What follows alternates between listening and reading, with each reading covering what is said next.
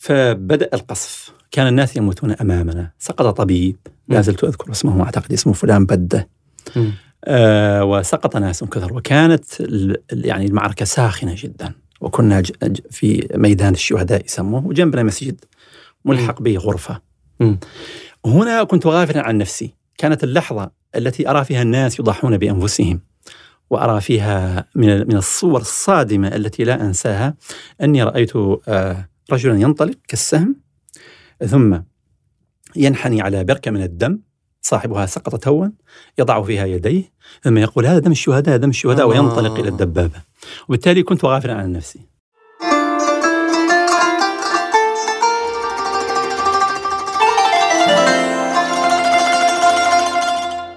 يا مرحبا بأبي ليلى. يا أهلا وسهلا. نورت الاستوديو وصاحبه. تنور بأهل الله يكرمك يا أستاذ. طيب قل لي هذه أبو ليلى. العرب تكني بأسماء بناتها. أوه جدا جدا من الدارج آه، عند العرب قديمة مثلا الخليفة المشهور عثمان بن عفان هذا أبو ليلى. عجيب. ولذلك كان يقال والأمر بعد أبي ليلى لمن غلب إشارة أنه بعده وقع تغير سياسي. وأبو ليلى المهلال والحطيئة كان أبا مليكة. مم. فمن الدارج جدا أن يتكنوا بأسماء بناتهم. التوجس هذا من الأنثى لاحق. حديث. بعدين. نعم. هذا أنتم لكم أحوال يا أهل موريتانيا. سنعود إليها. أبو ليلى كنت في المعمعة في غرفة الأخبار في الثامن عشر من ديسمبر 2010 ويقال أن الصحافة هي من تقدم المسودة الأولى من دفتر التاريخ. تذكر تلك الأيام. بدايات الربيع. كيف تصف ذلك التفاعل؟ كيف تصف الكلمات الأولى وهي تأتي إلى غرفة الأخبار وأنت هناك؟ هذا سؤال كبير. إي والله أنت أشرت أو أنت نكأت جرحا غائرا. هذه أيام تكاثف فيها التاريخ. آه وكنا حاضرينها وفي قمقمها لأننا كنا نشتغل كما تفضلت في آه أهم قناة إخبارية معنية بهذا الأمر راصدة لهذا الأمر. آه، كانت تأتينا الأخبار من تونس ونتعامل معها كأي أخبار. اعتبرناها أخبار عادية جدا. ما كنا نحس بأننا بالفعل نكتب المسودة الأولى من تاريخ سيبقى وسيتحكم في آتي الأيام. وصفت لاحقا أنه ظننت هذه العبارة عبارة ميتة. شاب تونسي يحرق نفسه احتجاجا على إي والله. أنت عبارة ميتة. إي والله. أنا كنت أشتغل في آه بالضبط في هذا الجانب. كنت في النشرة المغاربية يومها. م. وكانت وكانت هذه الأخبار تأتي إلينا. وبالتالي كنا نستقبل هذه الأخبار نهضمها ثم نخرجها إلى الناس. لكننا في إرهاصاتها الأولى ما كنا نقدرها حق قدرها ما كنا نظن في أننا لحظة في لحظة محورية جدا. ستحدد آه، الأيام التالية واللاحقة من من عمر هذه الأمة. وبالتالي كانت كما كما أسلفنا آه، في غاية الأهمية والصعوبة والجمال أيضا. لأنك أن تجد نفسك في في غرفة أخبار قناة الجزيرة في تلك الأيام هذا الشيء يخليك ترى التاريخ في تشكلاته الأولى. أيوة. معظم هذه الأخبار التي تحكمت لاحقا في الأيام أنا, أنا أتتني آه، نيئة إذا استخدمنا هذه العبارة وتعاملت معها في لحظتها. لكن أعترف بأنه, بأنه ما كنت أظن على الأقل في بدايتها الأولى أنها سيكون لها ما بعدها آه، بهذه الصيغة. بالتالي هي أيام, أيام لكن سرعان ما تسارعت الأحداث تونس مصر و يعني دائما هذا السؤال أنت صحفي في داخل غرفة الأخبار ولا تستطيع أن تتعامل ببرود أعصاب مع هذه الأخبار التي تأتيك. تفاعلك النفسي حاضر معها خاصة لشخص مثل أحمد فال. له انتماؤه السياسي له رغبته السياسية يتطلع تطلعا سياسيا ما لأمته لعروبته لناسه. كيف كانت المشاعر وكيف كنت تؤديها في داخل غرفة الأخبار؟ سؤال بديع. شوفوا هذا تحدي دائما لأي آه، صحفي آه، بين جنبيه قلب ينبض لأي صحفي عنده رؤية في الكون عنده رأي في الأشياء. وإن شاء الله أنه الواحد يعني يعد نفسه من هذه الطبقة. وبالتالي كان التحدي كبير. كنا نتعاطى مع الخبر تعاطيا مهنيا. نوفيه حقه نتعامل معه بدقة بمهنية نراعي هذه الأمور الضرورية في الخبر. لكن في ذات اللحظة نعيش معه. يعني ينبض قلبنا به. هذه هذه الأخبار تعنينا. هذه الأخبار نرى أنها تتحكم في مستقبلنا أنها تعني تعنينا تعني هذه الأمة التي ننتمي إليها. هذا الفضاء الثقافي الذي نحن جزءا منه. وبالتالي كان التحدي دائما قائم. هو كيف تحافظ على أدبيات الصحافة على آه، تحدياتها على أسئلتها على آيينها على قوانينها نعم. وفي ذات الوقت آه، أنت أيضا تعيش اللحظة باعتبارك جزء من هذه المنظومة الثقافية المعنية بهذه الأخبار النابعة منها هذه نعم. الأخبار، بالتالي الموازنة بين الحالتين أعترف بأنها كانت تحديا آه، والتاريخ وحده هو الذي يحدد كيف كانت لكن كيف يبدو- كان التعاطي. يبدو لم تحتمل ما يستلزمه البقاء في غرفة الأخبار من برود أعصاب أردت أن تكون في الميدان. إيه فأنت تقدمت بطلب أريد الذهاب إلى ليبيا.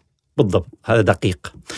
شوف هو نحن كانت تأتينا الصور القادمة أولا من تونس ثم بعد ذلك أتتنا الصور القادمة من ليبيا. وكونك أنت كما قلت بين جنبيك قلب ينبض وتأتيك أخبار من ليبيا. وصورة حاكم ليبيا صورة معروفة في الأذهان واسمه وسجله في ميدان حقوق الإنسان ليس أفضل السجلات ولا أنظفها ولا أنقاها. وبالتالي كونه بدأت الأخبار تأتي من ليبيا أن القذافي بدأ يفرض حصار على بعض المدن وبدأ يستعد لأن يدكها دكا ويبيد أهلها. وأنت ترى بأنك تستطيع أن تساهم في نقل أصوات هؤلاء المحاصرين هؤلاء المستهدفين. بالفعل هذا آه، يعني جاءتني آه، آه، يعني طفرة حماسة طاغية جدا وطالبت أني أذهب إلى ليبيا. إلى المنطقة التي كانت تأتينا الأخبار أنها محاصرة وصوتها مخنوق اللي هي الزاوية. وبالتالي بالفعل أنا طلبت وأصررت أني أني أذهب إلى هناك رغم المخاطر. رغم المخاطر. نعم وهذا لم تكن الأمور منطلقة فقط من غريزة الصحفي. يعني هناك هذا الالتزام السياسي مؤثر. نعم. أنا لا أنا لا أسميه التزاما سياسيا يعني أنا أنا لست عضوا في حزب. نعم. الالتزام السياسي كلمة في سياقنا الآن متسممة دلاليا. آه، هو هو هذا الهم هو هذا آه، هو هذا أنا عبرت عنه بأنه بين بين جنبيك قلب ينبض أنه المسؤولية الأخلاقية. مم. أنه أنا في النهاية حتى ولو كنت رجلا من فنزويلا أو الموزمبيق أنا أتعاطف مع هؤلاء الليبيين إذا كانوا يستهدفون طاغية. وقضية الثورات هي قضية الحرية بالأساس وهي قضية سياسية وأخلاقية في نفس الوقت. بالضبط. هذا هذا ما أعنيه بهذا النوع من آه الالتزام. تمام تمام جدا. مم. وبالتالي بالفعل أنا كانت هذه الهموم آه، هي التي قادتني بالإضافة إلى إلى إلى الشغف الإعلامي مم. إنه أطلب أن أذهب إلى هذه النقطة بالذات وأن أحاول أن أساهم في تغطيتها ونقلها. حينها مستشعرا بأن هذه لحظة تاريخية فارقة. ليست ليست مثل الأيام الأولى. مم. الأيام الأولى للثورات ديسمبر 2010 آه، ارهاصات تونس. ما كنت مستشعر للحالة التاريخية كما أشرت انفا. لكن عندما بدأت بدأ العالم العربي يتنادى. بدأت الصرخة التي ولدت في حواري تونس وفي حاراتها ومن هوامشها آه، يعني تنطلق في العالم العربي. بدأت أصداؤها تأتي من القاهرة من طرابلس من صنعاء. وهنا بدأت بدا بدا, بدأ المارد التاريخي يتلبس الواحد. بالفعل بدأت تحس إنك في معمعة تاريخية وإنك ينبغي أن تحاول أن تساهم. طيب أنت ذهبت إلى ليبيا لترصد الحدث. ثم أصبحت أنت الحدث. كيف حصل هذا؟ للأسف نعم نحن عندما دخلنا إلى ليبيا طبعا كان من المستحيل أن ندخل نعم. لأن ذكرنا هذا كان بأي تاريخ تقريبا؟ هذا كان بداية في- مارس هذا no no هذا كان في نهايات فبراير نهاية فبراير نحن وصلنا إلى تونس نهايات فبراير 25 26 مم. أو وكان من المستحيل أن يؤذن لنا في دخول ليبيا مع أن الصحافة الغربية بدأت تتق- تتقاطر على. على طرابلس ويؤذن لهم لكن نحن لا. باعتبارنا الجزيرة مم. كان النظام مقتنع أنه بما أننا نغطي الحدث بكثافة ونسمع أصوات الناس بكثافة اعتبرنا عدوا آه، رقم واحد. وبالتالي كان لابد أن ندخل متسللين مم. فأنا أقلعت آه، مع زملائي لطفي المسعودي عمار الحمدان نعم. آه، وجينا إلى تونس وجلسنا أياما نحاول التسلل إلى ليبيا التسلل من الجنوب لأنه التونس كانوا زملائنا تسللوا من الشرق وكانوا في بنغازي أي نعم آه لكن نحن كنا نحاول أن نتسلل إلى مدينة آه يسيطر عليها القذافي اللي هي اللي هي الزاوية, الزاوية. فتسللنا من الغرب وأخذت العملية التسلل أياما مم. حتى وصلنا في النهاية إلى الزاوية القرار قرار السفر كان قرارا شجاعا الآن لما دخلت في المعمعة. تختلف تختلف المشاعر في أثناء التهريب عبور الحدود النقاط الأمنية ثم الوصول إلى الميادين و... وما مم. شاكل مم. ذلك شوف هي هذه المحطات الصعبة في حياة الواحد يكتشف فيها ذاته يتعرف فيها على ذاته. مم. أنت تلقى نفسك إذا عرضتها على فضاءات أخرى. تلقى وجهك لأول مرة تتعرف عليه تكتشفه. وبالتالي سؤالك محوري جدا. آه، عندما دخلت ما كنت أبدا أفكر في ذاتي في, في لحظات العبور. كانت اللحظة كما أسلفت كثيفة جدا والحدث كبير وهدفي أساسا هو أني أصل إلى تلك المنطقة وأنقل آهات الناس نعم. بالتالي ما كنت منشغل بذاتي نعم. وكان الموضوع تسميها شجاعة أو تسميها شيء آخر كنت يعني لا أفكر في نفسي آه وصلنا إلى الزاوية ما الذي شاهدته هناك؟ أنا كنت أظن قبل أن آتي الزاوية أنه فيها مظاهرات سلمية عادية جدا م. لكن عندما دخلتها وجدت أنه الموضوع بدأ يتعسكر شوية. م. آه وجدت أنه القذافي بسبب نمطه العسكري فرض على الناس نمط ما من الرد. نعم. فدخلنا الميدان وجدناه فيه رجال أساسا. ما فيه نساء ولا فيه أطفال. كانت فترة خروج المتظاهرين المدنيين هذه انتهت قبلنا. فلما عسكر هو الأمر وجدنا الميدان ميدان الزاوية فيه رجال. بعضهم عندهم عندهم بنادق صيد وأشياء زي هيك. وعندما وصلنا إلى الميدان حاصرتنا وقع الزحف على الزاوية. فبدأ القصف. كان الناس يموتون أمامنا. سقط طبيب. لا زلت أذكر اسمه. أعتقد اسمه فلان بدة. آه وسقط ناس كثر. وكانت يعني المعركة ساخنة جدا. وكنا في ميدان الشهداء يسموه. وجنبنا مسجد ملحق به غرفة. هنا كنت غافلا عن نفسي. كانت اللحظة التي أرى فيها الناس يضحون بأنفسهم وأرى فيها من من الصور الصادمة التي لا أنساها أني رأيت آه رجلا ينطلق كالسهم ثم ينحني على بركة من الدم صاحبها سقط توا يضع فيها يديه ثم يقول هذا دم الشهداء دم الشهداء وينطلق إلى الدبابة. وبالتالي كنت غافلا عن نفسي. عندما بعد ذلك بيومين عندما ثقلنا نعم. هنا بدأ الواحد يستيقظ. بدأت الأسئلة البشرية الطبيعية بدأ الخوف بدأ القلق بدأت الأسئلة العاقلة. ذهبت السكرة وجاءت الفكرة. وجاءت الفكرة. آه كانت سكرة الثورة سكرة التعاطف سكرة نقل الحقيقة. مم. كانت طاغية. عجيب. لكن في هذه اللحظات خلاص مسكوك حطوك سكروا عليك. الآن أنت وهذا الصندوق حان الوقت لتواجه العواقب. نعم, نعم. عجيب عجيب. آه هذه هذه المشاهد لم تطول كثيرا. يعني أنت زرت لعلك الزنتانة ثم زرت الزاوية. وبعد ذلك تم تمت عملية الاعتقال. آه، أذكر أيضا أنك أنت في كتابك الجميل في المذكرات التي كتبتها حول هذه الرحلة في ضيافة كتائب القذافي. نعم. الضيافة كلمة ملغومة ها؟ أشرت أيضا إلى بدايات ما رأيته نوع من الأخطاء. فوجدت أنه أحيانا أيضا الضحية آه، يبدأ يتشبه بجلاده قد يرتكب نوع من المظالم وكذا. هذه لفتتني في البداية. تذكر الشاب الذي علقوا لي أنه أسود البشرة وظنوا بأنه قد يكون من مرتزقة القذافي وبدار تعذيبه وكذا. فكان كان هذا الصوت حاضرا أنه علينا أن نكون أكثر أخلاقية من خصومنا. ألا نتحول إلى وحوش مثلهم. إي والله إي والله. هذه الصورة كانت من مدينة الزنتان. عندما جئت آه، طبعا هم يعني الأمور كانت تتكشف. آه، فكان من الدارج يومها أن القذافي يستخدم مرتزقة أفارقة. نعم.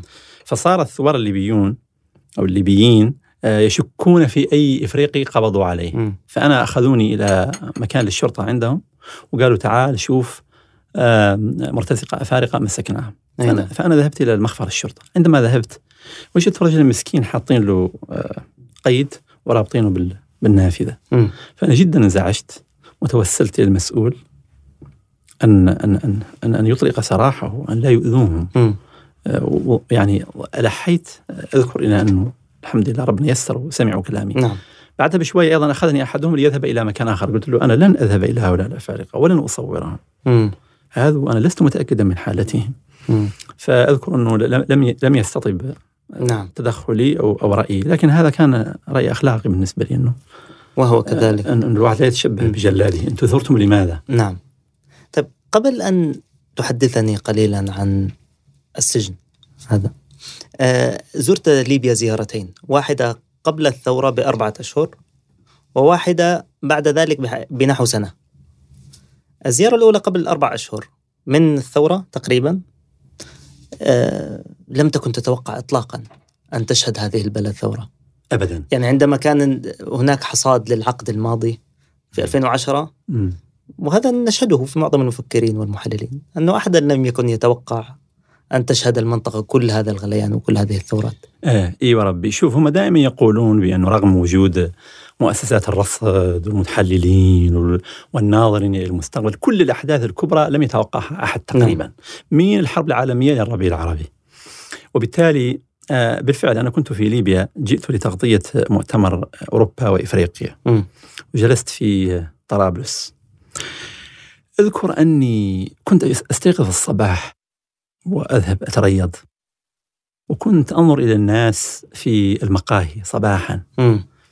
وعندما تحدث الناس لاحقا أنه قد تكون في ليبيا ثورة هل هي التي ستلي تونس أو فقلت لهم إلا ليبيا مم. بالفعل ما كنت أظن ابدا عجيب ما كنت أرى شيئا آه، اتيا في الأفق مم. لكن هذا طبعا من الغرور التي قد الذي قد يصيب الإنسان أحيانا ليحاكم المجتمعات ببعض الأطر النظرية المحدودة. التي يملك. لكن هذه القشرة الهادئة التي ما كنت ارى فيها إلا الهدوء والموات كانت تعتمل فيها ثورة بالفعل مجيدة وشجاعة. وبنيت ونحتت نسجت من المظالم التي قام بها. القذافي طيله 40 عام لكن كلنا حكماء بعد أن يحدث الحدث. نعم. أقول كان هذا الأمر متوقعا وكان بل كان حتميا. إيه بالضبط. لكن قبل أن يحدث. لذلك أنا سجلت إني بالعكس كنت أظن أنه لن يقع ابدا. مم. ثم جاءت الأيام تصدق ثم زرت ليبيا بعد سنة تقريبا. عدت إيه. إلى نفس الأماكن صورت وثائقي عن حصار. بالضبط. عدت إلى نفس الأماكن التي كنت فيها. عدت إلى المعتقل. الذي كنت فيه. بعد أن تم تحريره. نعم نعم. عدت إلى إلى إلى هذه المناطق. زرتها التقيت بعض بعض الناس. حتى أني التقيت التقيت أحد المحققين. عجيب. سعيد حتى التقيت أحد المحققين. أنت كنت تصفهم خاصة أنه بداية علاقتك فيهم كانت علاقة بأصواتهم. نعم. دون وجوههم.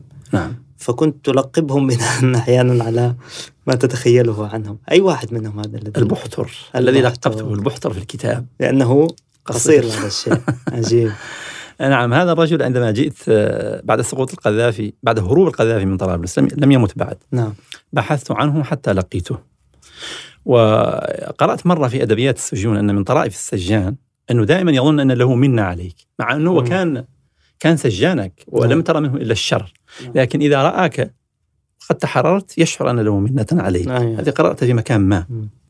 وطريفة المهم أنا بحثت حتى حتى وجدته ف يعني كان كانت تجربة كيف كان اللقاء به؟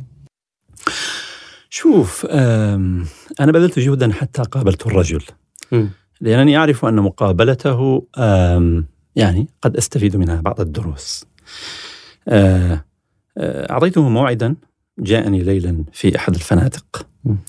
وكتمت عن أه، الحراس الذين كانوا في الفندق من الثوار. كتمت عنهم هوية هويته. كتمت عنهم هويته. نعم. لأنهم قد يعني يمدون أيديهم إليه أو شيء بدون لا أدري. فأنا احتطت. قلت لهم بس صديق وكذا وكذا. وجلست معه قدام على الشارع.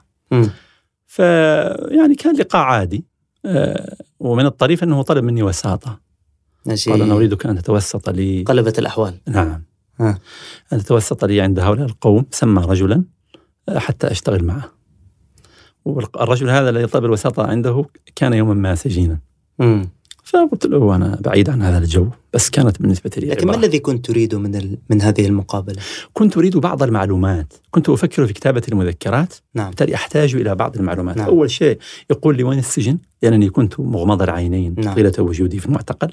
لا أدري أين هو. لا أعرف في أي منطقة. كان في رجل في السجن أيضا محترم جدا أريد أن أقابله أشكره. ذكرته في الكتاب الذي أعطاني كتاب. نعم. وأعطاني مصحف. أظن اسمه كان عيسى. آه، لا لا عيسى هذا حارس. أي نعم. هذا حارس آه، ها. هذا واحد آخر ما أعرف اسمه. نعم. فكنت أريد أن أعرف من هو. مم. فذكره لي لكن ما أعطاني ما أعطاني عنوان. مم. فكنت أريد أن يعني أكمل بعض آه، الفجوات التي عندي كي أستعيد القصة وأكتبها. طيب السجن. أسبوعان من السجن الانفرادي. في البداية كنت معصوب العينين مقيدا. كان التعامل بالمجمل محترم ليس فيه قدر من الإهانة لا النفسية ولا الجسدية إلا ما تمليه كونك مسجونا يعني. ثم أصبحتم سوية.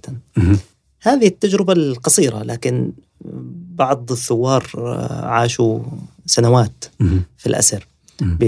بأشكال أشد قسوة من ذلك. لكن هذه التجربة التي يعني ربما تعطيك عصارة ما مما عاشه غيرك. ما الذي تركته فيك؟ ما هي ال- الخبرة التي بقيت منها؟ آه، أن لا أستقل السجن آه، وأن أقدر هؤلاء القوم الذين يدفعون من حريتهم ضريبة عن مجتمعاتهم. آه، قبل هذه التجربة التي لا تذكر أوكي كنت أقدر السجين كنت أقدر تضحياته لكن ثمة فرق شاسع. بين أن تسمع عن الأمر أن تتخيله عن بعد أو أن يمسك كشخص. نعم. فكرة أن تفقد إرادتك أن تتحول إلى طفل لا تستطيع أن تقف إلا دون إذن إنسان آخر. أن تذهب في أي ساعة من الليل أو النهار لا تدري إلى أين. يأتون إليك يقولون. تعال تقف. هل هو هل لتكرم وتشكر؟ هل لتعدم؟ أنت هل يطلق. سراحك لا تعرف بالضبط م.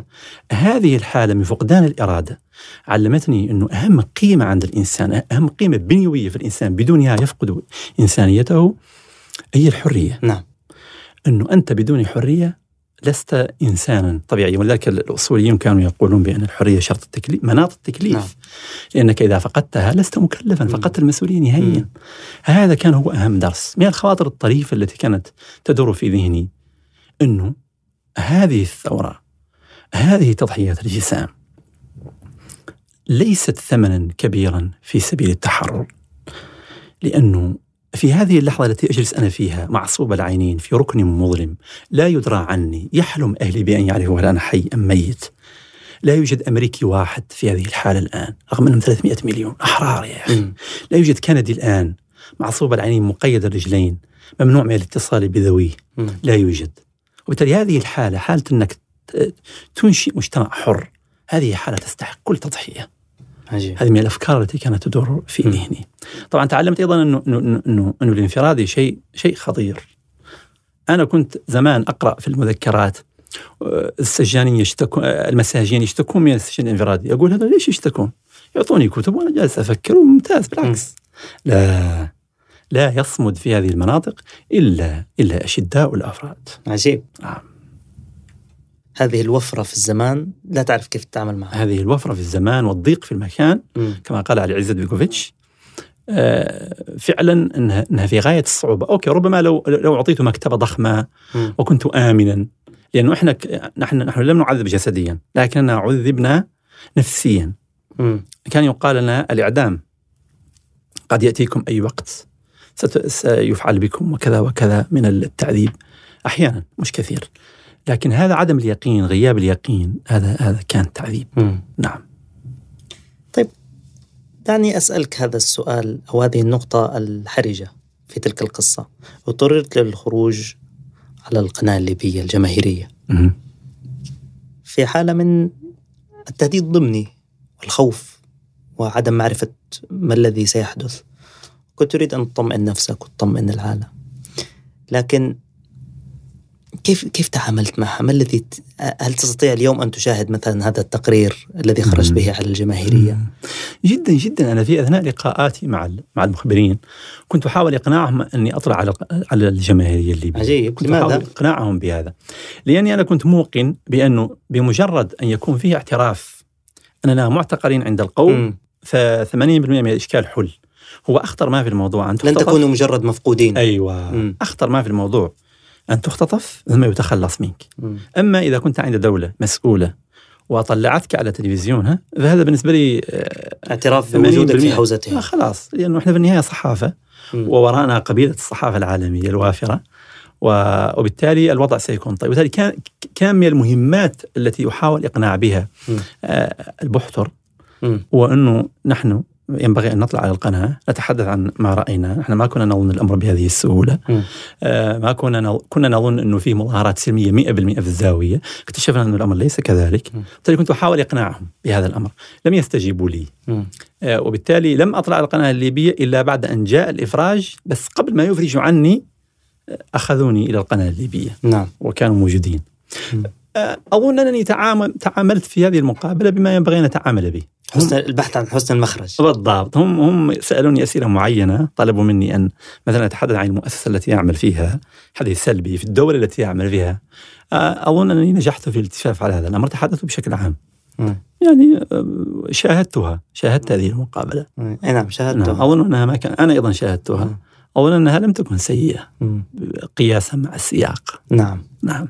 أنا أتفق مع هذا التقييم الآن عدت من الميدان إلى غرفة الأخبار.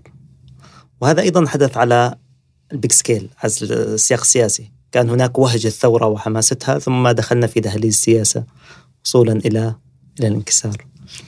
آه، هل تشتاق إلى إلى تلك اللحظات إلى تلك الروح إلى تلك إلى ذلك الانخراط؟ العمل الميداني؟ أم أيام الثورة أم أقصد أيام الثورة بالأساس. م-م. يعني يعني روحها الحماسية ترافقت أصلا مع وجودك في الميدان. م-م. الآن لا شك هذا العمل مرة أخرى في في غرفة الأخبار يعني أن الأخبار تمر عليك وأنت أحيانا تتعامل معها مثل الخياط. يعني تقص القطعة المناسبة لوضعها في الشريط الأخباري أو لوضعها على لسان الصحفي. نعم. هل ربما لا تعنيك كثير من الأخبار التي تمر أيضا؟ شوف هذه اللحظات التي مرت بنا اللي هي لحظات الربيع اللحظات المتفجرة هذه. أنا أنظر إليها كما أنظر إلى كما ربما كما ينظر الإنسان إلى قصة حب انتهت. أيوة. هذه قصة حب آه آه يعني في هذه اللحظات يكون يكون الزمان متوتر. م. يكون الزمان مترع بالأحداث. م. يكون الزمان يركض لاهث. آه فعندما تخرج منه هكذا فجأة أو بطريقة ما كأن الزمن يسكن. عجيب. أو كما عبر عبر الشاعر عجبت لسعي الدهر بيني وبينها فلما انقضى ما بيننا سكن الدهر. سكن الدهر. فهذه الأيام عندما انتهت اللي هي أيام الربيع الكثيفة يعني عاد الزمن إلى إلى إلى حالته الطبيعية إلى منحناه الطبيعي. وتوقف وثوب الزمن توقف. وبالتالي أنظر إليها باعتبارها ذكرى طيبة. لكن أنا يعني من الذين يؤمنون لا أدري هل سنتحدث عن هذا لاحقا أم لا. من الآن نتحدث. آه نحن أنا من المؤمنين بانه هذه الحالة حالة مستمرة اللي هي حالة الربيع أو حالة عائدة. م. هذه حالة ستعود لأنه دواعيها التي أتت بها ما زالت موجودة في أحشاء المجتمع العربي. نعم.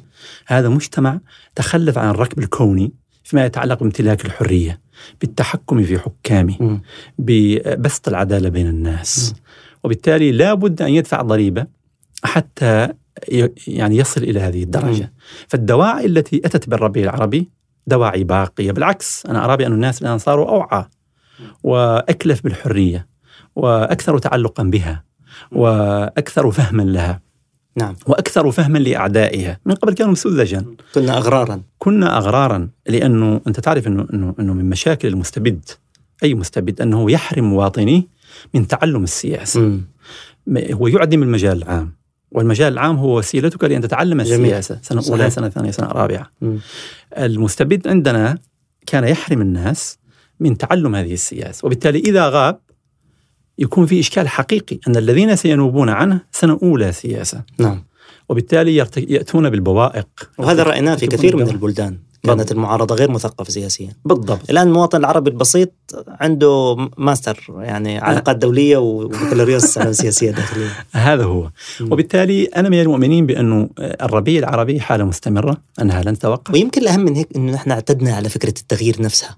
يعني لم يعد يدهشنا اليوم لو ظهرت ثورة في بلد ما وأطاحت بنظام عربي. كان هذا يجعلنا يعني نندهش وننصعق كيف يمكن أن يحدث هذا بعد 20 سنة من السكون تقريبا السياسي. آه. لكن الآن نحن نتوقع أنه هذا طبيعي قد يحدث في أي يوم. هذا هو. وعندنا من الوعي أيضا ألا نغتر. نحن مثلا قبل كنا نستغرب مجرد الثورة.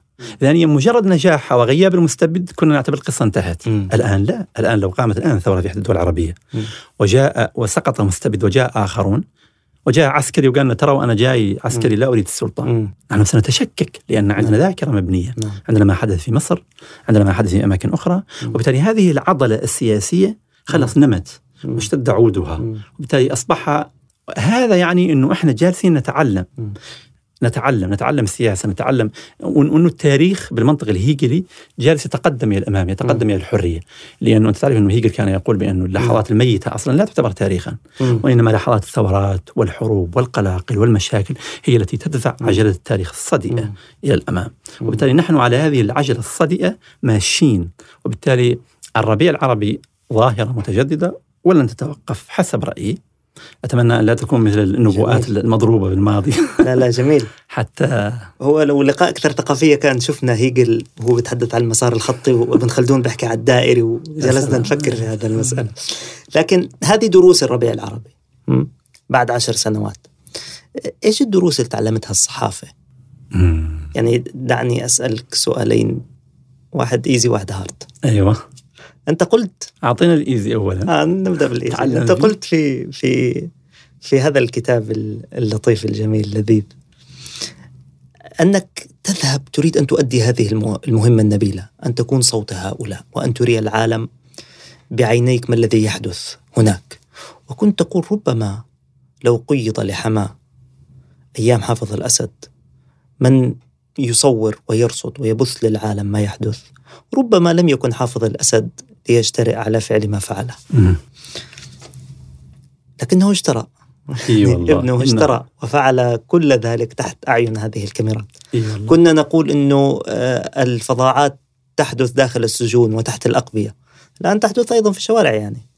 لذلك آه، يعني الطغاة ربما لا يتعلمون ولا تزداد حيلهم لكنهم يصبحون أكثر وقاحة وأكثر بطشا.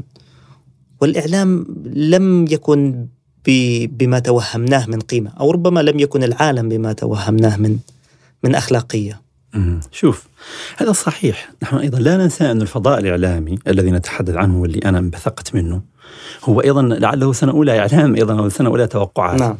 وبالتالي قد تكون قد يكون التحليق كان عالي فيما قلت إنه لو أن حماة نقلت صورها إلى نعم. العالم إنه هذا كان قد يساهم في كبح جماح الطاغية. قد تكون هذه رؤية حالمة لأني أنا يومها أيضا في المعمعة كنت جالس أتعلم لأنه الربيع العربي لم يعش بتفاصيله. لكن كما تفضلت تعلمنا إنه آه، جاءت عوامل كثيرة استجدت بعد حماة وبعد غيرها. العامل الخارجي أصبح محوري في أيامنا بسبب الطبيعة الكونية اللي صارت طاغية اللي هي عولمه أي صراع. م. الصراعات سابقا كانت صراعات معزولة دائرية مغلقة. الآن بسبب طبيعة الاتصال وتقارب م. البلدان وتقارب الإمبراطوريات وتنافسها على كل فتات في الكرة الأرضية نعم. أصبح أي حدث محلي حدث كوني صحيح معنيه به الإمبراطوريات صحيح. وبالتالي هذا ما لم أفكر فيه ولا وما لم أعرفه لحظتها كنت أظن أنهم بعيدين وأنه الإعلام سيكون دوره محوري لكن لا تبين أنه سوريا آه، روسيا حاضرة وموجودة وستحارب مع الأسد وأنه إيران موجودة محليا وستحارب نعم. مع الأسد آه وأنه أمريكا أيضا ليست معنية كثيرا. وبالتالي هذه أمور هذه من محاسن الربيع العربي هذه مما يقدم الوعي إلى الأمام. وبالتالي ذاك تقدير لم يكن دقيقا لأنه صاحبه لم لم يعش الربيع العربي. آه ولكن أن تغطي أحسن من أن لا تغطي أيضا حتى لا نقسو على أنفسنا. طبعا. وبالتالي فكرة إنه إن الواحد يسعى ويغطي وينقل الحدث على الأقل للتاريخ للزمان الآتي م. شيء اظن كان محوريا م. ومهما واكيدا. لكن فعلا لك من اسمك نصيب. هذا التفاؤل من أحمد فال تجي المصائب وتقول لا إحنا أهم شيء تعلمنا دروس منها. طيب نروح على ال hard question أيوه. وأنت قلت هو وهذا كان easy هذا كان easy شوي ها. أيوه. وأنت قلت لي معك السقف مفتوح طبعا وأنا طبعاً أتكلم بكل شيء. آه. يعني هذا السؤال نحن في آه، عامي 2011 و2012 2013 كانت المعادلة بين شعوب تهتف بالحرية والعدالة والتحرر وغير ذلك. ودول مستبدة سلطوية تريد الحفاظ على عروشها. وأنت والمؤسسة التي ذهبت إلى ليبيا معها الجزيرة. كانت نعم صوت الشعوب في غالب الأحيان. وهناك من يقول أحيانا أنه ربما لولا الجزيرة لما نجحت بعض الثورات أو ربما لما أخذت هذا الزخم. كان هناك شعور أن هناك من يغطينا هناك من يدافع عنا هناك من آه، يرفع صوتنا وينقله للعالم. وبدون ذلك ربما بعض الأشياء كانت كانت تغيرت. لكن آه، أذكر وأنا أقرأ في آه، في ضيافة كتائب القذافي وأنت كتبته في نهاية 2011 يعني ما زالت اللحظة في في عنفوانها وحماستها نعم. كنت تتحدث عن الصحافة كمهمة نبيلة جدا الآن آه، الصحافة بعد سنوات ربما بعد أن لم تعد المعادلة بتلك البساطة صار هناك انقسامات يعني بوضوح صار عندنا أزمة خليجية. آه، صار عندنا انقسامات واستقطابات كبرى في العالم. المسألة لم تعد بتلك البساطة وربما حتى بعضها من أيام الربيع. يعني نحن مرت علينا أحداث البحرين بهدوء نسبي. آه، في وقت التقارب بين قطر والسعودية لم تكن اليمن في بؤرة الأحداث. بعد ذلك تم الانتباه إليها. وإعادة الاعتبار إلى إلى ثورتها وما يحدث فيها من مآسي. كيف تعيش هذا الجدل؟ أليس محرجا أخلاقيا؟ ألا في بعض الأحيان آه، يعني يشكك شيئا ما بنبالة مهمة الصحافة. جميل جدا. سؤال جميل أشكرك عليه. شوف هو هي الصحافة التي أشرت إلى مأزقها. تعيش مأزق سياقها. نحن في النهاية لسنا صحافة معلقة في الفضاء نعم. نحن صحافة منتمية مغروسة في هذه البيئة هذه البيئة كنا نقوم بمهمتنا الإعلامية فيها وهي انشقاقاتها ليست انشقاقات طولية ليست تصدعا طوليا نعم. وبالتالي كان الجمهور ماذا تقصد بالتصدع الطولي؟ أقصد به أن المجتمع انقسم نعم انقسم نص راح يمين نص راح يسار م. وبالتالي بالفعل وجدت نفسك حصل انقسام إذا إذا انقسم مجتمعك بهذا النسق فأنت لا شك أنك ستكون يمين أو تكون يسار نعم. يعني مجبر على هذا آه، وبالتالي جمهورك الذي كان أمامك ما كنت متخالف معه خلاف جذري في قضايا كثيرة م. وبالتالي كان كتلة معظمها مجمعة عليك نعم. كأهم قناة في العالم العربي اللي هي قناة الجزيرة لكن عندما وقع هذا هذا الانقسام امتحن امتحنا نحن وامتحن المشاهدون أيضا. امتحنوا هل هم يؤمنون بالقيم اللي كنا نحن آه، نرفعها أو نمثلها؟ قيم آه، الدارجة المعروفة. فعندما انقسم المجتمع من بين أيدينا بالفعل آه، وجدت الجزيرة نفسها أو أي صحافي يشتغل فيها أو أي صحفي جاد في العالم العربي وجد نفسه امتحان عسير. إنه أنت في النهاية هذا المجتمع الذي كنت تخاطبه وكان آه يشهد شبه إجماع على أدائك وهو نفسه انشق لكن آه أظن والله تعالى أعلم أنه بالمقياس آه، العادل الآن الجزيرة رغم سوءاتها ورغم محاسنها هي أفضل موجود في العالم العربي. إذا أردنا أن ننقدها فينبغي أن نخرج نسخة في العالم العربي منتج إعلامي عربي أفضل منها. لحد اللحظة حسب تقديري الشخصي وقد أكون مخطئا هي أمثل الموجود آه، هي أمثل الموجود طيب هل أصبحت امامها تحديات بلا شك. الجزيرة في النهاية تبث من دولة خليجية صغيرة اسمها قطر. هذه الدولة تواجه مشاكل من جيرانها وفرض عليها حظر عانت مشاكل. من المستحيل أن تكون هذه الدولة خارج تاريخ هيجل مرة أخرى، لا هي هي تتاثر بالعوامل هي في قمرة التاريخ، وبالتالي الضغوطات التي تتعرض لها، السياق الذي يجري لا شك أنه سيؤثر على الجزيرة، هذا ما في شك، لأنها هي تبث من هناك ميزانية تأتي من ميزانية قطر، وبالتالي من الطبيعي أن تتأثر، لكن أظن أنها ما زالت تمثل أفضل صوت إعلامي في العالم العربي، لم تتنكر لمبادئها. اللي هي آه، الصحافة الحرة الحياد الموضوعية إلى غير ذلك وإن حصل حصل تقصير بالضبط وإن حصل تقصير في بعض الملفات آه لا أنكر إنه إنه قد يكون حصل تقصير في بعض الملفات نتيجة سياقات لعلها أكبر منها أو أكبر من من, من مضيفتها. لكن فيما يخصك أنت نعم. هل هناك معادلة تدرك معها أن الأمور لم تنزلق أكثر من اللازم؟ يعني دائما الإنسان يضطر إلى مساومات. خاصة في مجال من هذا النوع. كيف يعرف في لحظة ما أنه وربما لم يعد يدافع فعلا عن هذه القيم؟ كيف يميز هذا الحد الفاصل؟ هناك مساحة رمادية متدرجة. نعم. طويلة. جميل سؤال جميل. شوف الصحافة فرع من السياسة والسياسة هي فن الممكن كما قال الأرماني الشهير.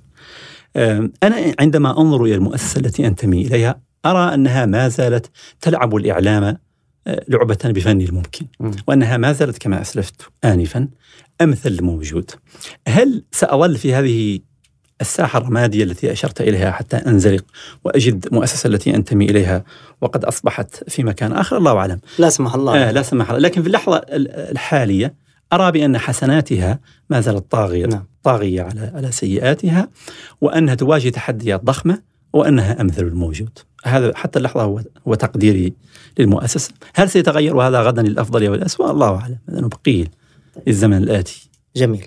جميل. الآن نترك هذه الأحداث الساخنة. ندعها تبرد. نصب شاي. الله يلفها طيبه. وأنتم أهل موريتانيا أهل ال- أهل الأتاي. مم. تعال نجدد لك شاي؟ لا لا جيد جيد. طيب. لأنه نر- نريد أن ننتقل إلى إلى شيء الصحراء نريد أن ننتقل إلى عالم ثاني تمام. العالم الذي أصلا جئت منه إلى هذا الإعلام وإذا هناك لينك مكان اتصال بين ما كنا نتحدث عنه من أحداث الربيع وثوراته. وبين موريتانيا فلعلها مفردة أنت أشرت إليها وهي مفردة الحرية. قلت أن أن الصحراء تعلمكم شيئا عنها وتذكرت البارحة يعني قالوا قالوا نحن قوم لقاح لا لا ملك لنا لا ملك لنا. فهل فعلا يعني ما الذي ما الذي تركته الصحراء؟ أنت ولدت في عالم صحراوي بالمجمل. نعم هو كذلك. أنا ولدت في آه، ليلة آه، من ليالي الصحراء في صحراء في خيمة. هذا واقع. دائما أقول لهم كانت أقرب نقطة آه، مياه صالحة للشرب آه، 100 كيلو. نعم فأنا ولدت في الكلام ليس بعيدا 1977 هذا 77 هذا في في يونيو 77 مم. نعم. شوف آه التنشئة في هذه البيئة لها محاسنها الكثيرة آه التي لا نغفل عنها ولها سلبياتها الكثيرة أيضا التي لا نغفل عنها. آه موريتانيا يومها كان معظم سكانها آه في البادية. مم. أعتقد أكثر من 70% ونحن كنا من هذا الجيل. لاحقا سيضطر أهلنا إلى إلى إلى أن ينزحوا إلى المدن بسبب الجفاف الذي بدأ ينتشر. آه، كانت معظم هذه المناطق تعرف النسبة اليوم كيف تمدين يعني؟ اليوم لست متأكدا أيوة. لكنها أعتقد صارت أغلبية. صارت أغلبية. صارت أغلبية. لكن آه، في ذلك الزمن يعني أنا مثلا أسرتي كل من أعرف منهم قبلي كانوا في البادية ولدوا تحت خيام. بس أنا كنت آخر المولودين تحت خيمة. فبعد ست شهور من ميلادي وضعوني على ظهر جمل وذهبنا إلى قرية اسمها كامور مم. آه نعم وجئتها وعمري ست أشهر لما. فتحت عيني في في في, في أيوة. القرية.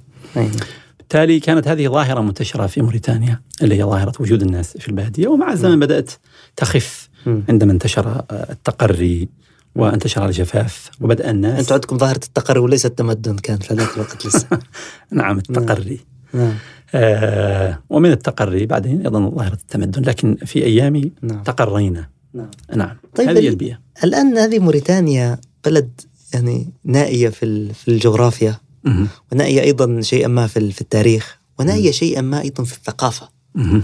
يعني نحن عندما نسمع عن أهل موريتانيا نتخيلكم يعني وقد ولدتم في الخيم ثم صعدتم على المنابر وجدتم دواوين البحتري وحماس أو تمام مفتوحة. وجلستم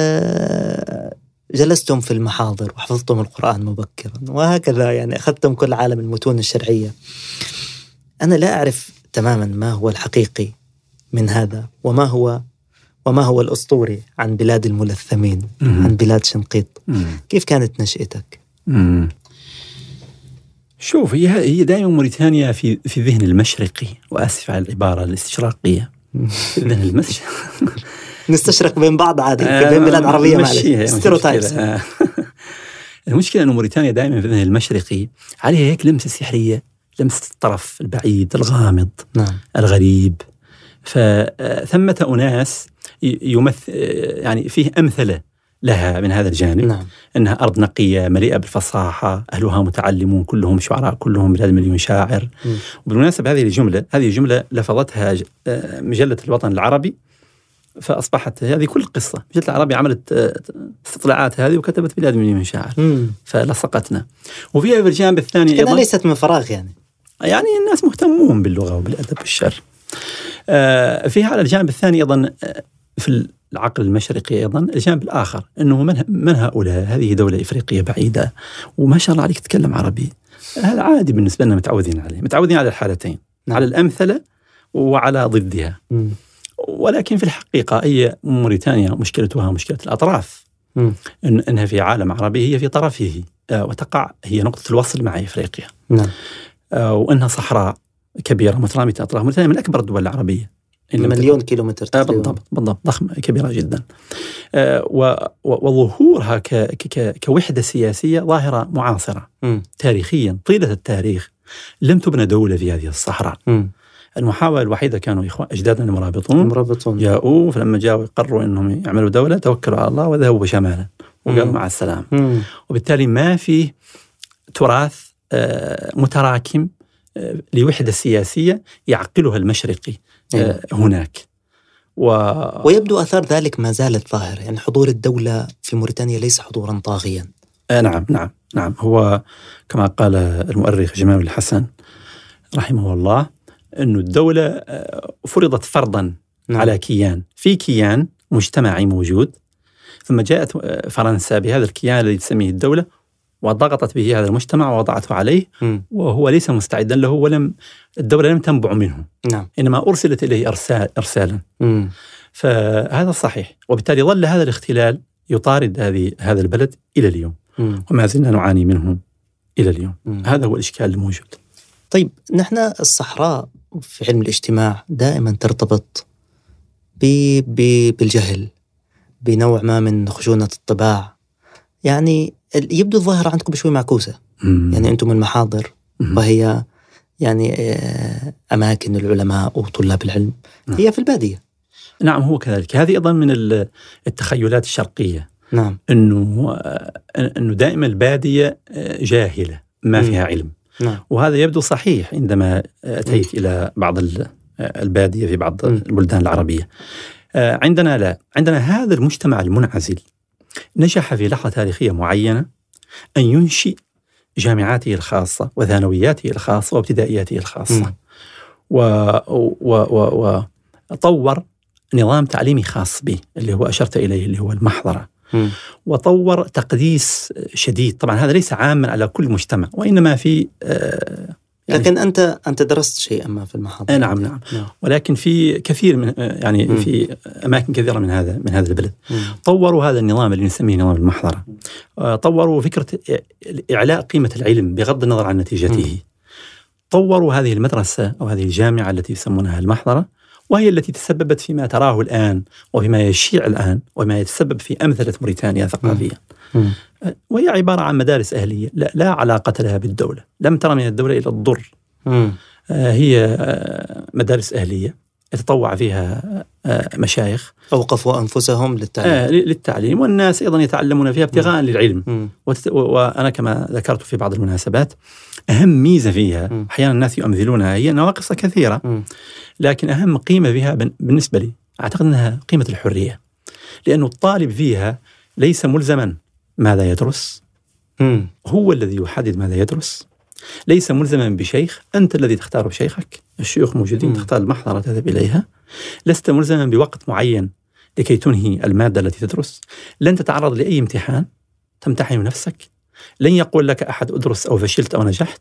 أيوة. بالتالي هذا طابع الحرية اللي يحول قيمة العلم في حد ذاتها إلى قيمة مطاردة من قبل الطالب دون انتظار. آه، امتحان أو شهادة أو وظيفة وهو الذي يجعلها في ظني آه، تنجح في إخراج مم. طاقات وفي إخراج علماء استثنائيين في هذا العصر.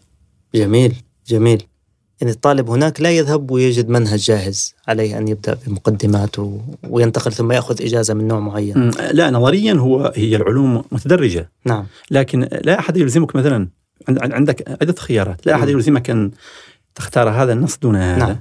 أو أن تذهب إلى هذا الشيخ دون هذا أو حتى أن تلتزم مذهب الشيخ أو أن لس- يدرسك مذهبه لست ملزما بشيء. مم. ممكن تعيش في محضرته ولا. تدرس عليه هو أصلا. مم. مش على مزاجك. مم. يعني هو ليس راكب على مثل تدرس على أحد طلابه أو شيخ آخر. فهي طابع الحرية يطبعها. نعم.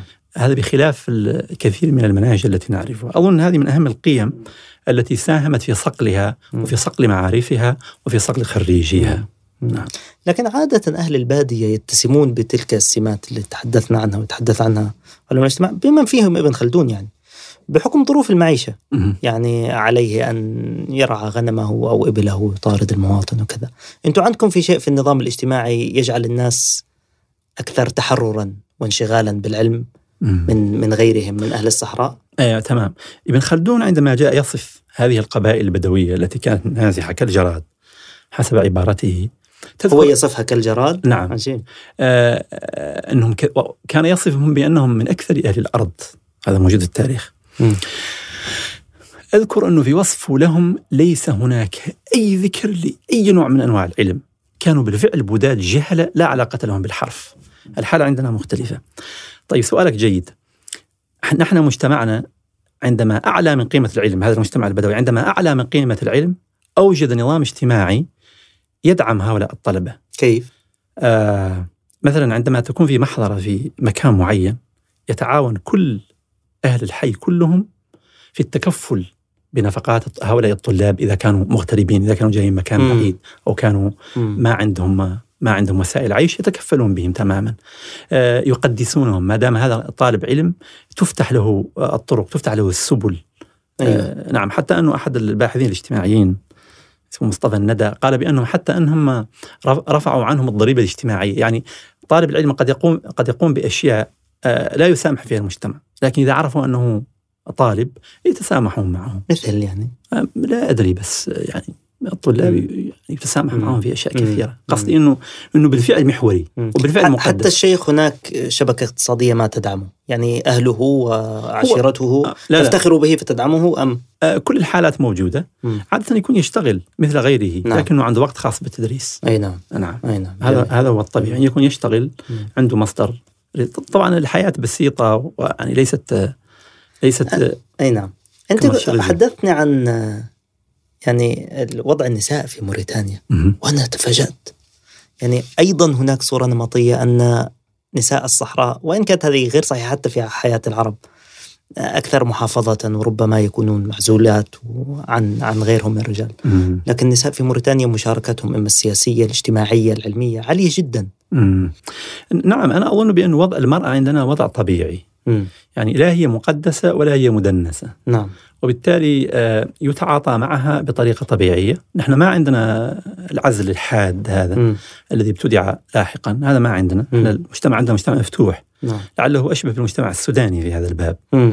إيه فالتعاطي فيه الكثير من الأريحية، آه ما في حواجز، آه قيم المجتمع هي التي تربط السلوك بين الجنسين، وهي قيم معروفة وطبيعيه. لكن آه، التعاطي أريحي، ما فيه ابدا آه، يعني إقصاء للمرأة من المجال العام. نعم. آه، ابدا. ما في إقصاء لها. تتصرف بشكل طبيعي تماما. أظن إنه هذا من الظواهر الصحية مم. اللي بقيت في مجتمعنا. نعم وإن كنا بدأنا نستعير بعض عاداتكم في التعاطي مع المرأة أيوة. خلال السنوات الماضية. تستعيروا عادات عرب الصحراء غير صحراءكم. آه نعم. أي نعم. في بعض الفضاءات. طيب. كان عمرك 21 سنة. أه. وأنت نشأت في هذا المناخ. ودرست ما درست من من الأدب والشعر والقرآن. أه. وحملت حقيبتك وذهبت إلى أمريكا. صحيح. أنا جدا مهتم بهذا بهذا القرار. وبماذا شاهدت يعني كشخص جاء من من شوف هذه المنطقة؟ شوف هو هذه البيئات التي وصفناها هذه الصحراء المفتوحة الممتدة في النهاية م. تعودك على غياب الحدود م. وتعودك على آه، لا تقيد خيالك آه الإنسان دائما إذا تربى في وسط مليء بالحواجز مليء بالحدود يحد نفسه أيضا هو أكثر من اللازم نعم. ويضع لنفسه حدود ومتاريس قد لا تكون مفروضة عليه ذهنيا. أنا في هذا الفضاء وبالتالي في ثقافتنا أن الواحد آه، إذا قرر أن يسافر يتوكل على الله م. وآخر ما يفكر فيه وهو يعني الوسائل والظروف وهذه الأمور، نعم أنا لما كان عمري 21 سنة كنت قد سجلت في الجامعة وكنت أفكر أيضا أن أذهب أدرس بعض الأشياء في المحضرة وكنت حائرا ثم ودعت الوالدة رحمها الله وقلت لها أنا ذاهب إلى محضرتي فلان أو إلى الولايات المتحدة الأمريكية. يا سلام نعم هذول الخيارين ها؟ هكذا وقد كان وقد كان. بالنسبة لي الآن الناس يتخيلون أن القفزة كانت كبيرة م. في ذهني يومها ما كانت كبيرة نهائيا م. مع أني آه، نزلت في نيويورك جئت إلى الولايات المتحدة ما كنت أعرف سطرا من اللغة الإنجليزية وما يعني ليست في فضائي نحن اللغة الأخرى عندنا هي الفرنسية هي, الفرنسية. هي التي نسمع أيوة. هي التي ندرس بعضها أيوة. آه مع أنه التعليم كان معرب لكن آه الفرنسية قريبة. الإنجليزية آخر ما يفكر فيه ولم. تكن يومها قد تسلطت أيضا في الفضاء العام في الدنيا. مم. هذا الكلام 99 إبريل. مم. فجدا غريبة. فنزلت هناك آه، و يعني ما كان- لا لا تعرف سطرة من إنجليزي. نهائيا. thank you yes no نهائيا نهائيا. ما أنسى أني أول كلمة سمعتها كنا وقوف في الطابور وكانت ضابطة تقدم الناس وتقول next فأنا ظننت الحرف الأول T ظننتها text ها. فقلت لا بأس هذه تعني تفضل. قلت هذه text وتعني تفضل. بالتالي بالفعل اللغة كانت كانت أجنبية علي. إيه. لكن اجتماعيا ما يسمونه ب culture shock وهي الأمور ما ما عانيت منها. كانت يعني لم تكن شيئا كبيرا.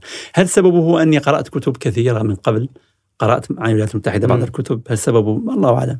أم هو غياب الحدود أيضا ال- التي طبعتني بهذه الصحراء الله أعلم. لكن القفزة كانانت عادية. خمس سنوات في في الولايات المتحدة. نعم. عدت بعد سنتين ونصف ثم عدت سنتين ونصف كي- كيف انطباعك عن هذه البلد هذه القارة العجيبة؟ شوف بلد المهاجرين. شوف أنا من من المعجبين جدا ب ب- بالمدرسة الأمريكية. نعم.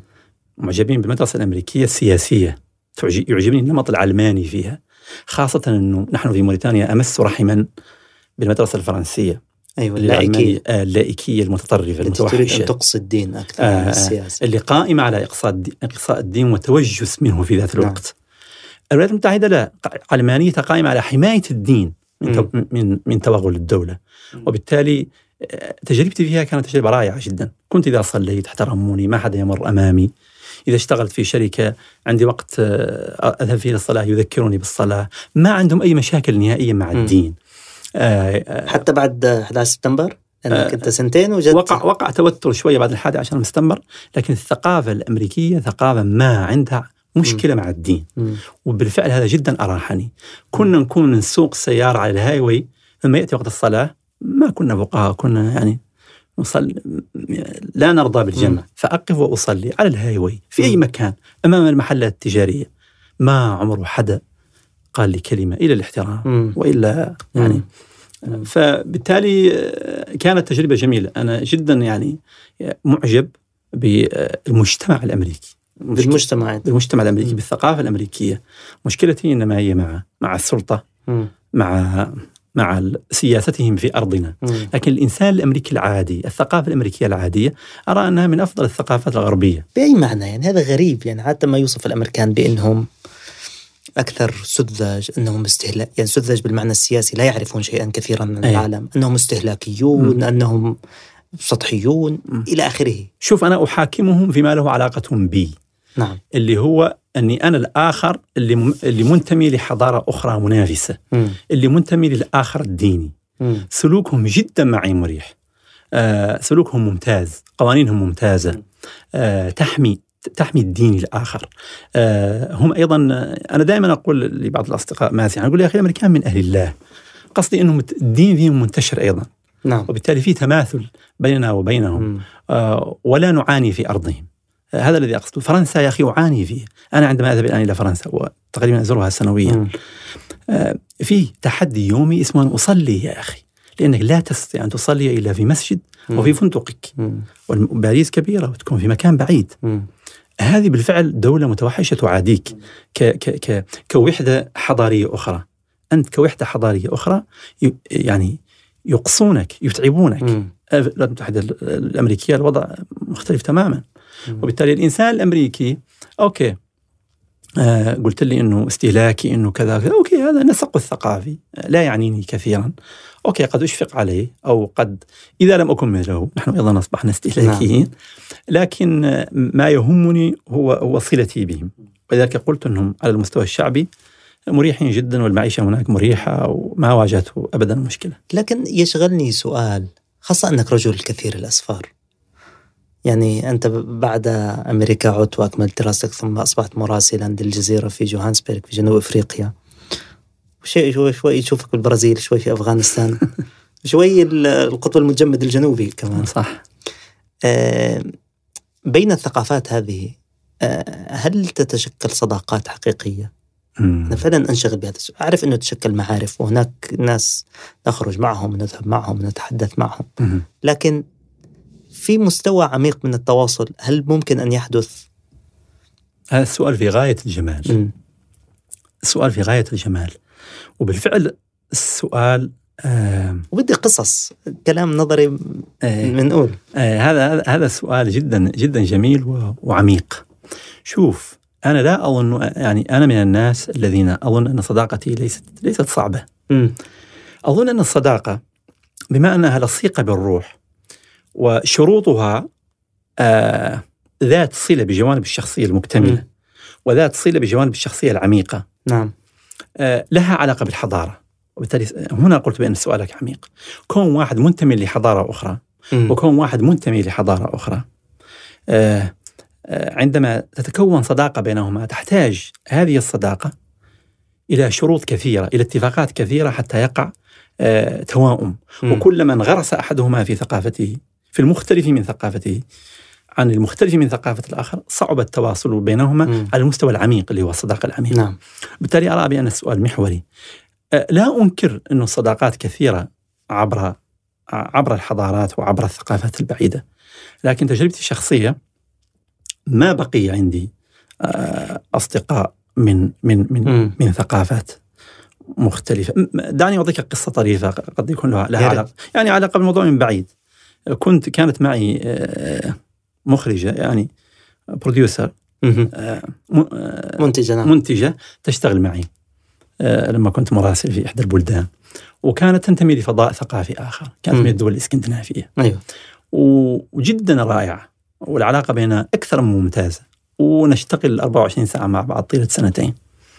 مرة كنا مسافرين سفر طويل فأحسست أنها تتك... أحسست أنها تشعر أنها أحاطت بي. ها. آه. أنها أتقنتني. أيوه.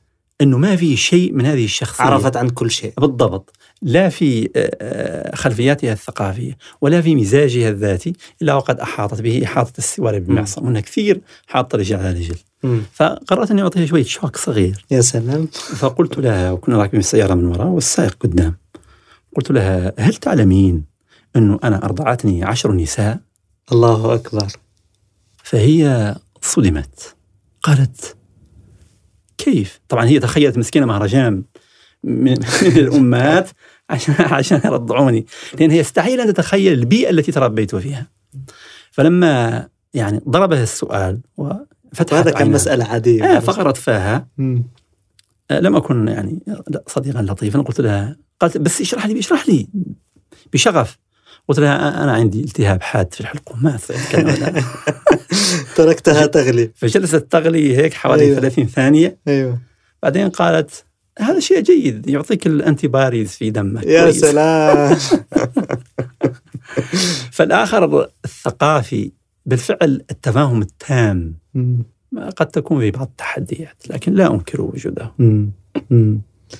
وأينما سافرت ظل هذا الشعر معك تكتب في دفتر كناشك ها؟ وتحفظ. يا أخي من وين جبت هذه المعلومات يا أخي؟ الدقيقه أنا قلت لك أحببت مهنة بناء البروفايلات عن الشخصية.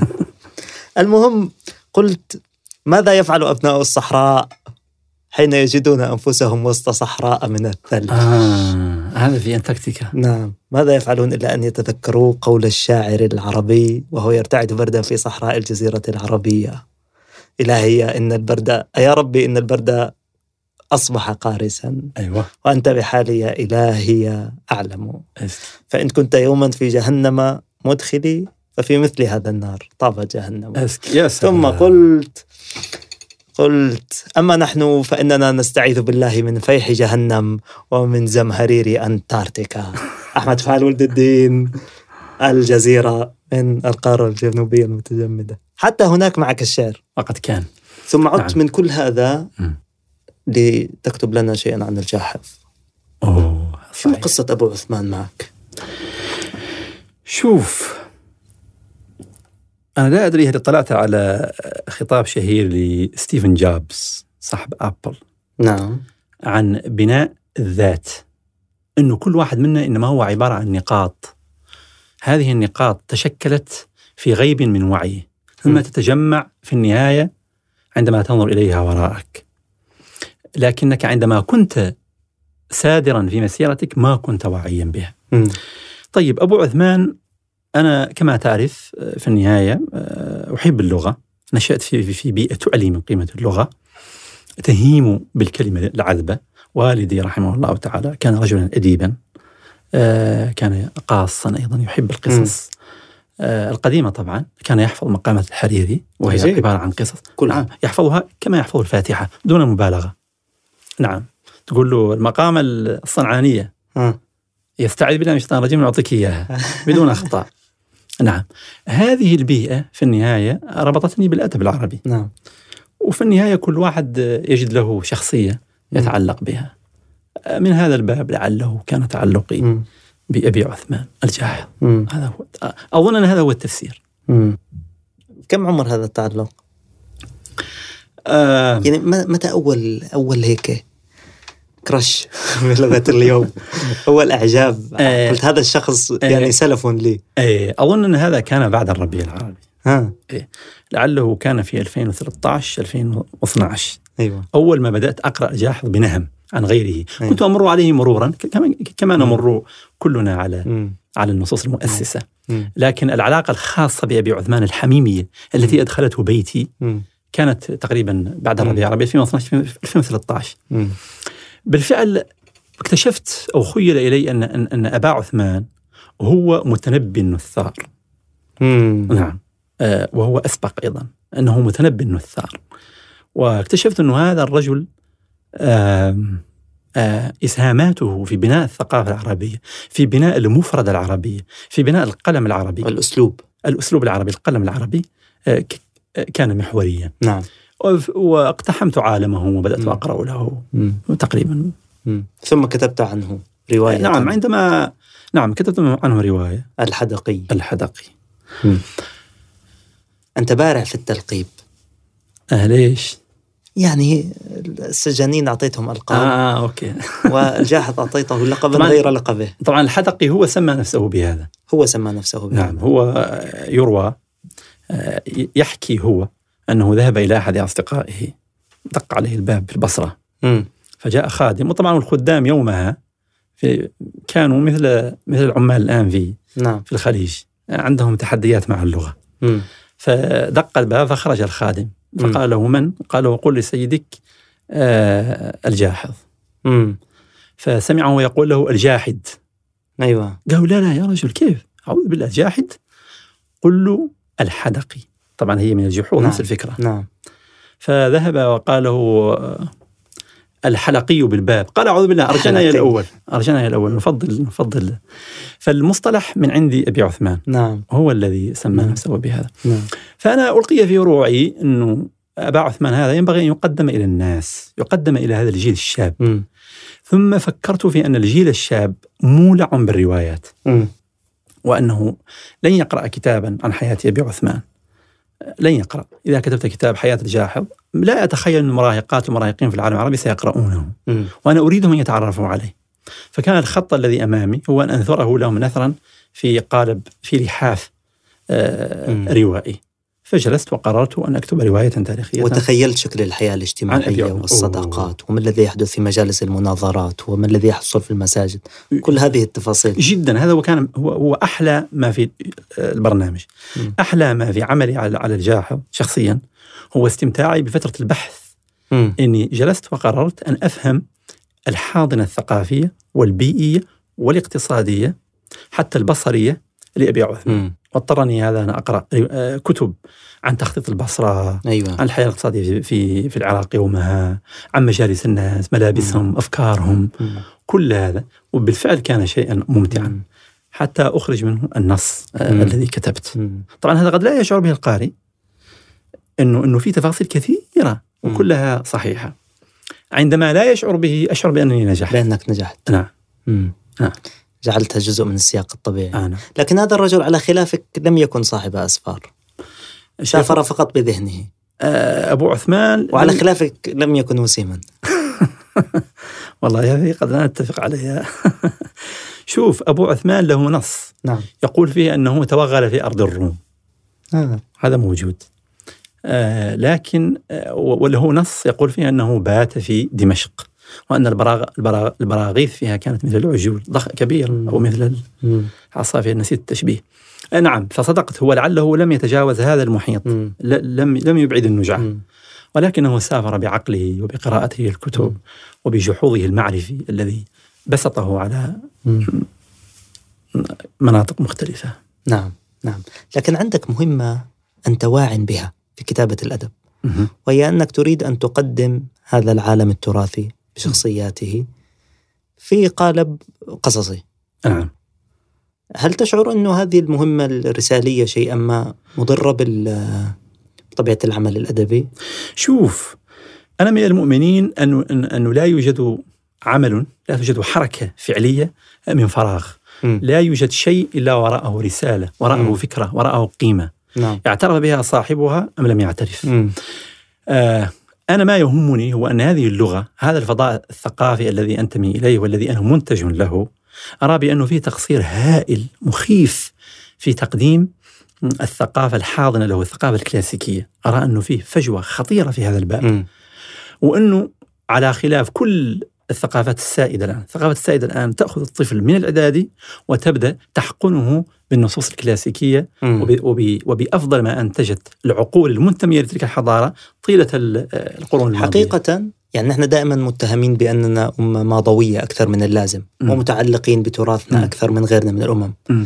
يعني نعم الإنجليزي يعرف شكسبير ويعرف شيء من الكلاسيكيات بعده لكن لا اللهم إني أخالف م. هذه إشاعة أنا أخالفها 100% نعم آه الأمم الدليل على ذلك أنني وقعت على مترجم مم. كتب يوما يترجم فذكر الاسم فقال الجاهز.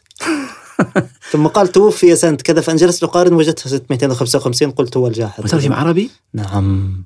يترجم من نص إنجليزي إلى عربي يكتب الجاهز؟ نعم. أوه. نعم. هذه أعطيك مقابلها قصة. آه، أثناء عملي على البحث آه، ذهبت إلى مكتبة عامة في إحدى الدول العربية. قلت له ابحث لي في الجهاز عن كل شيء عن الجاحظ. قال عن مين؟ قلت له الجاحظ. مين؟ الجاحظ. قال لي بالله هجيها لي أعطيها لي حرف حرف. لا إله فأعطيته الألف واللام والجيم والألف والحاء. والله أيوه يعطيك اياهم قبل. أيوة. فهذا دليل على أنه بالعكس هذه إشاعة. مم. أوكي نحن قد نكون بسبب الضعف السياسي فقط. شاخصون إلى الوراء لأن القوة كانت قوية هناك. في الماضي في ماضينا والآن ضعيف. ضعفاء. قد نشخص. مم. قد نستحضر التاريخ سياسيا لكننا أبعد ما نكون عن تاريخنا ثقافيا. آه طب ما الفائدة؟ يعني أنتم مثلا في اسمار وأفكار وقد عقدتم أكثر من 100 لقاء حتى الآن. وأنت دائما تختار موضوعات بنسبة ما بعضها قريب من التراث نسبة كبيرة منها قريبة من التراث. تقدم أحد يعني هؤلاء الأعلام أو إحدى هذه الأمهات كتب. آه يعني دعني أسأل سؤال الساذج. ما أهمية هذا هذا الاحتفاء بالتراث؟ م. هذا الإدخال للغته ولعوالمه ولأنماط تفكيره. م. خاصة إنه نحن اليوم الثقافة المتسيدة 90% مما ينتج بالعالم ينتج بالإنجليزية. م. إذا أردنا أن نفكر بالتاريخ وقلنا ابن خلدون كان مؤسس علم التاريخ أو علم الاجتماع فبعده عشرات المؤرخين لماذا نذهب إلى الأول ولا نذهب إلى الآخر. لماذا نذهب إلى المنبع ولا نذهب إلى المصب؟ شوف يا عزيزي أنا أقوم بهذا لأني من المؤمنين. وأظنها أصبحت أيضا آه، متفق عليها تربويا م. إنك نحن الآن نعاني من إشكال، نحن نحاول أن نستأنف، نحن نحاول أن نغير ما بنا ثقافيا وسياسيا وغير نعم. ذلك. هذا لا يتأتى إلا على أرضية صلبة، والأرضية الصلبة الوحيدة التي يقف عليها الإنسان هي الأرضية التي نبع منها. م. لأنه لا يستطيع أن ينافس الآخرين في ثقافته. نعم. أنا الآن إذا تعلمت الإنجليزية وأنت إذا تعلمتها لن تكون أفضل فيها من ديفيد وجيمس. م. ابدا تحت اي تحت أي ظرف. م. لأنهم هم أخذوها بتفاصيلها أخذوها من من يوم ولادتهم نعم. منتمون لها أجدادهم كانوا مغروسين فيها أنا وأنت أنت سنظل غرباء عنها ولن نبدع فيها الإبداع مستحيل إلا من أرضيتك م. والإنسان يحتاج إلى أرضية ثابتة ليقف عليها فالعلاقة بالتراث هي علاقة إلى التثقيف م. هي ليست علاقة حسب رأيي أو دعوة إلى نمط فكري معين نعم. إنما هي دعوة إلى أن تكون مثقفا، أن تكون أن تكون مغروسا ثقافيا. م. والمتاح هو هذه الثقافة التي جميل هذا التعبير مغروسا ثقافيا. نعم. م. والعروق الثقافية المتاحة لك هذه العروق التي تنتمي إليها اللي ولدت فيها مم. هذه هي التي تستطيع أن تشدك مم. وأن تعطيك جذر ثقافي قوي تقف عليه مم. وما وما نعاب به هو ما يقوم به الآخر قلت لك في انفا إنه الآن هذه الثقافات الغالبة مع أنهم يعني وضعهم طيب ليسوا مثلنا يأخذون الطالب من سنة أولى ويحقنونه حقنا بالكلاسيكيات يحقنونه حقنا مرة قال لي أحد الأصدقاء قال لي شوف يا أخي أنا عندي مشكلة مع المثقف العربي مم. أنت خذ أي واحد ليس مثقفا غربيا وأسأله عن الس... عن عن عن عن الكاثوليك والبروتستانت نعم. يقول لك هذا مين وهذا مين وإيش الفرق بينهم وإيش تاريخ الصراع ومين مين خذ واحد يدعي يحاول أن يتجاوز التراث العربي وأسأله عن السنة والشيعة مم. والإسماعيلية مم. والمعتزلة والأشاعرة يقف حماره في العقبة مم. لا يعرف مم. أنت كيف كيف تنقد التراث وتتجاوزه دون أن تعرفه أي نعم وبالتالي هذه ابجديات الثقافة مم. هي ليست دعوة إلى الماضوية إنما هي دعوة إلى التثقف مم. بس مم. هذه هي فكرتي لا غير مم. في هذا التيار اخترت أن تكتب عن هذه الشخصيات شيء يشبه الرواية التاريخية وكل فترة أنت عندك أنت بالمناسبة عندك اهتمام ثقافي بالأمهات أو الكلاسيكيات إيه صحيح يعني أشعر لأني مؤخرا شاهدت محاضرتك عن الجاحظ وهيكل صحيح. وأنك قرأت نصوص هيجل الأصلية. أم، أنا قرأت نصين لهيجل ويمكن خمس ست كتب عنه. هذه الكتب الوسيطة التي أي. يعني تتحدث عن شوف. الفكرة في هذا هو أنه آه، أحاول أن أقرأ الكتب التي تغني عن غيرها. نعم. أن أقرأ الكتب التي هي متن وليست هامشا. جميل. دائما في شخصيات متن أرسطو متن الجاحظ متن مم. الإمام الشافعي متن مم. شيكسبير متن غيرهم من يكتب عنهم هؤلاء هوامش مم. وكذلك الكتب الأغاني متن مم. ومن هنا إلى أن ت- تنتهي هذه الأرض سي- سيظل الأغاني متن في الثقافه العربيه وحوله هوامش مم. وقل ذات الشيء عن أبي عثمان الجاحظ. وعن غيره مم. أنا أحاول أن أذهب إلى هذه الأصول إلى هذه الكلاسيكيات إلى هذه الأمهات وان أطلع عليها على الأقل. ثم بعد ذلك إن شئت أن أقرأ تعليقا عليها هوامش عليها لا بأس. مم. لكن لا أترك غيري يقودني إليها. وأظن انه هذا هو من الأعطال الثقافية التي. التي عندنا. وأظن أن الثقافات الغالبة التي نحاول أن نقلدها غارقة في قراءة الكلاسيكيات. يطبعونها مترجمة. يلخصونها يبسطونها. مهتمين بالكلاسيكيات إحنا عملنا رسالة الغفران تاع المعري بالعامية المصرية. جربت تطلع على النص؟ أعوذ بالله. بجد؟ حصل. ليش يا أخي؟ ترجموها للهجة؟ ترجمة للهجة المصرية. هذا خطأ شايف؟ هو كان ينبغي أن تكتب بلغة فصيحة يفهمها الجميع. الأمي. الآن في العالم العربي يفهم الطريقة التي أتحدث بها. نعم. لماذا تكتب باللهجة المصرية أو الموريتانية أو المغربية؟ مم. هذا كسل ثقافي وكسل معرفي. وعدم فهم عدم فهم لأنه المفرده. كون المتلقي آه تترجم له المفردة المعرية مم. آه بلغة وسيطة يستطيع من خلالها أن يعبر إلى إلى إلى المفردة الأصلية مم. هذا يثريه ثقافيا. بدل أن تريحه وتعطيه إياها آه بلغة الشارع.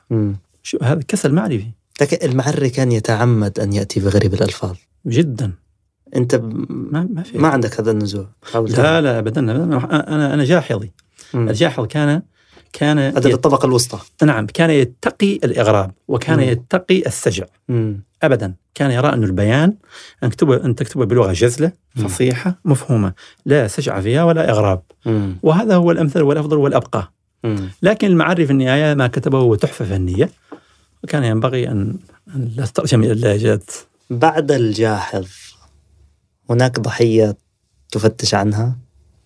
شوف أنا إن شاء الله انوي ان اكتب عن عدة عن عدة, عن عدة شخصيات تراثية. يا سلام. جالس الآن أفكر وعندي شخصية في ذهني لكن لم أعلن عنها بعد. مم. لعلها إن ولن تعلن. عنها الآن في هذه الحلقة لا لا لا أستطيع. أنا ما أعرف أسوي مهمة الصحفي هذه يعني. لكن إن شاء الله هذا قريبا. خبر سعيد. آه نعم. عندي مشروع أشتغل عليه.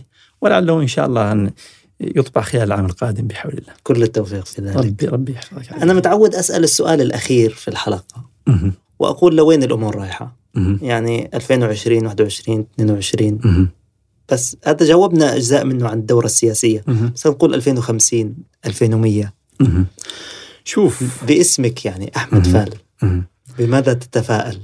آه أنا أتفائل بأن هذه الشرارة المقدسة التي انطلقت من حواري تونس في 17 ديسمبر 2010 إنه هذه الشرارة إنها تسير وإنها تضطرم الآن في عدة دول وفي عدة م. مناطق وفي حواري مختلفة وفي عواصم مختلفة من العالم العربي م. وإن وإن هذه المسيرة المعلية من قيمة الإنسان المعلية من قيمة هذه الحضارة غير المعادية للذات وغير المعادية للإنسان. م. أنها تعتمل وأنها آتية وأن هذه الجراح الآن ستتحول إلى وقود آه، يقود الأمة ويقود اللحاف الحضاري الذي ننتمي إليه كلنا إلى المستقبل البراق. فأنا متفائل جدا. الله كريم. شكرا على هذا اللقاء. استمتعت به. نورتنا. الله. يعطيك العافية. الله يحفظك.